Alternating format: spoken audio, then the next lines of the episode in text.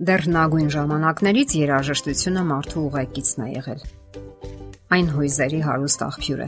Երաժշտությունը եւ գրգռում է, եւ հանգստացնում, եւ միաժամանակ ոգեշնչում է։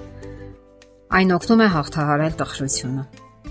Իսկ ուրախ ժամանակ մենք ցանկանում ենք երաժշտություն լսել, որը համահունչ է մեր հոգեվիճակի հետ։ Ահա թե ինչու այնքան էլ անկարևոր չէ, թե ինչ երաժշտություն ենք լսում եւ երբ։ Ինչու ենք մենք այդքան հուզականորեն արձագանքում այդ զարմանահրաշ հնչյուններին։ Որքան կարևոր է մեզ համար երաժշտությունը։ Լեզվաբան Սթիվեն Պինկերը համարում է, որ երաժշտության դերը մարդու կյանքում նման է յուրատեսակ աղանդերի, այն լեզվի զարգացման հաճելի կողմնակի արդյունք է։ Միևնույն ժամանակ նորագույն հետազոտությունները խոսում են այն մասին, որ երաժշտական գործիքների վրա նվագելը կամ պարզապես մեծ կոմպոզիտորների ստեղծագործություններն ունկնդրելը ընդունակ է փոխելու ուղեղի կառուցվածքը եւ ավելի երկար ժամանակ պահպանելու այն երանդում վիճակում։ Եվ այնուամենայնիվ երաժշտությունը մարդու կյանքում առաջին հերթին հույզերի աղբյուր է։ Իսկ ինչպես է լինում, որ տարբեր մեղեդիներ տարբեր կերպ են ազդում մեզ վրա։ Մենք կարող ենք ամբողջ օրը գտնվել որևէ մեղեդու ազդեցության տակ։ Որոշները լսել սրտի թրթիռով, որոշներն էլ կարող են տխրեցնել։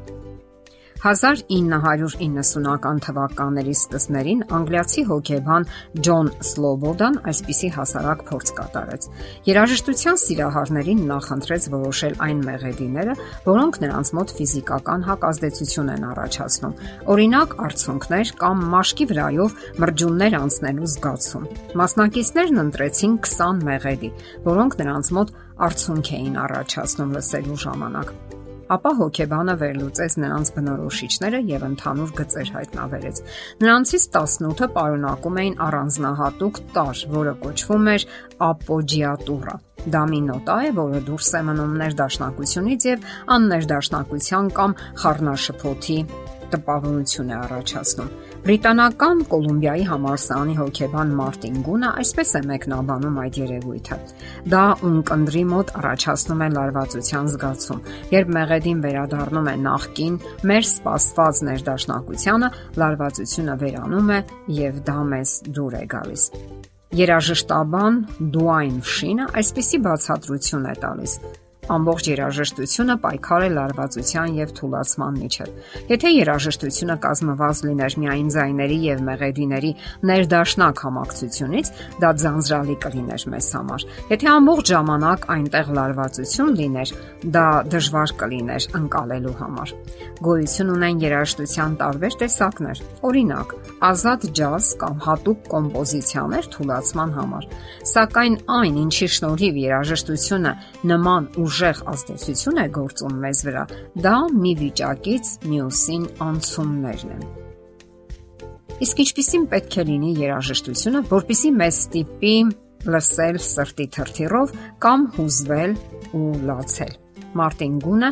նման մեղեդիների 4 ընդհանուր հատկություններ է նշում։ Եվ վերջապես, ի՞նչն է ստիպում մեզ հուզվել կամ լացել։ Նեյրոհոգեբան Ռոբերտ Զատորան եւ Մակգիլլի կանադական համալսարանի նրա գործընկերները parzabanum են, որ այն երաժշտությունը, որը ուժեղ հույզեր է առաջացնում, սկսում է դրթել ուղեղի այն կենտրոնները, որոնք կապված են բավականության եւ ապարքեվի հետ, եւ սկսում է արտադրվել դոֆամին նեյրոմիդատորը։ Նմանատիպ արդյունք են առաջացնում շոկոլադը, կամ սեռական հարաբերությունը։ Մարդն իրեն լավ է զգում եւ նա ցանկանում է ավելի ու ավելի շատ զգալ այդ բավականությունը, անընդհատ վերարտադրել այն։ Անկարևոր չէ նշել, որ հոգևոր բավականության ժամանակ եւս մարդը ցանկանում է երաժշտություն լսել։ Նա նույնիսկ ինքն է ցանկանում երգել, թեև ոչ այնքան բարձր որակի, սակայն դա իրեն դուր է գալիս, երբ արտահայտում է իր զգացմունքներն ու հույզերը։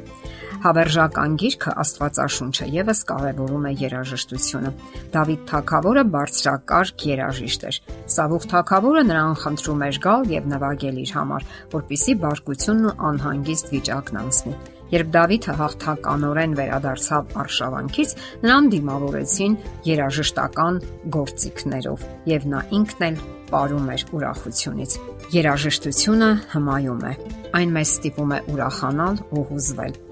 եւ նաեւ կարեւոր է թե ինչ երաժշտություն ենք լսում։ Օրինակ բարձր ագրեսիվ երաժշտության արձագանքում են թե մարդիկ, թե կենթանիները։ Ռուս հոգեբույժները մի քանի տարի առաջ այսպիսի փորձ են կատարել։ Հավի վանդակի մոտ բարձրախոս են տեղադրել եւ միացրել ծանր ռոք Թրջունը սկզբում անհանգստացրել է, թափահարել գլուխը, ապա սկսել է տեղում պտտվել։ Թվում է, ապարելու շարժումներ է արել։ Ամեն ինչ ավարտվել է նրանով, որ խեղճ թրջունի մոտ վերջավորությունների ջղաձգում է սկսվել։ Այն կենթանիները, որոնք վաղ տարիքից ստիպված են եղել ապրել աղմուկի մեջ, մեկ ընդմիշտ կորցրել են որևէ բան սովորելու ընտունակությունը։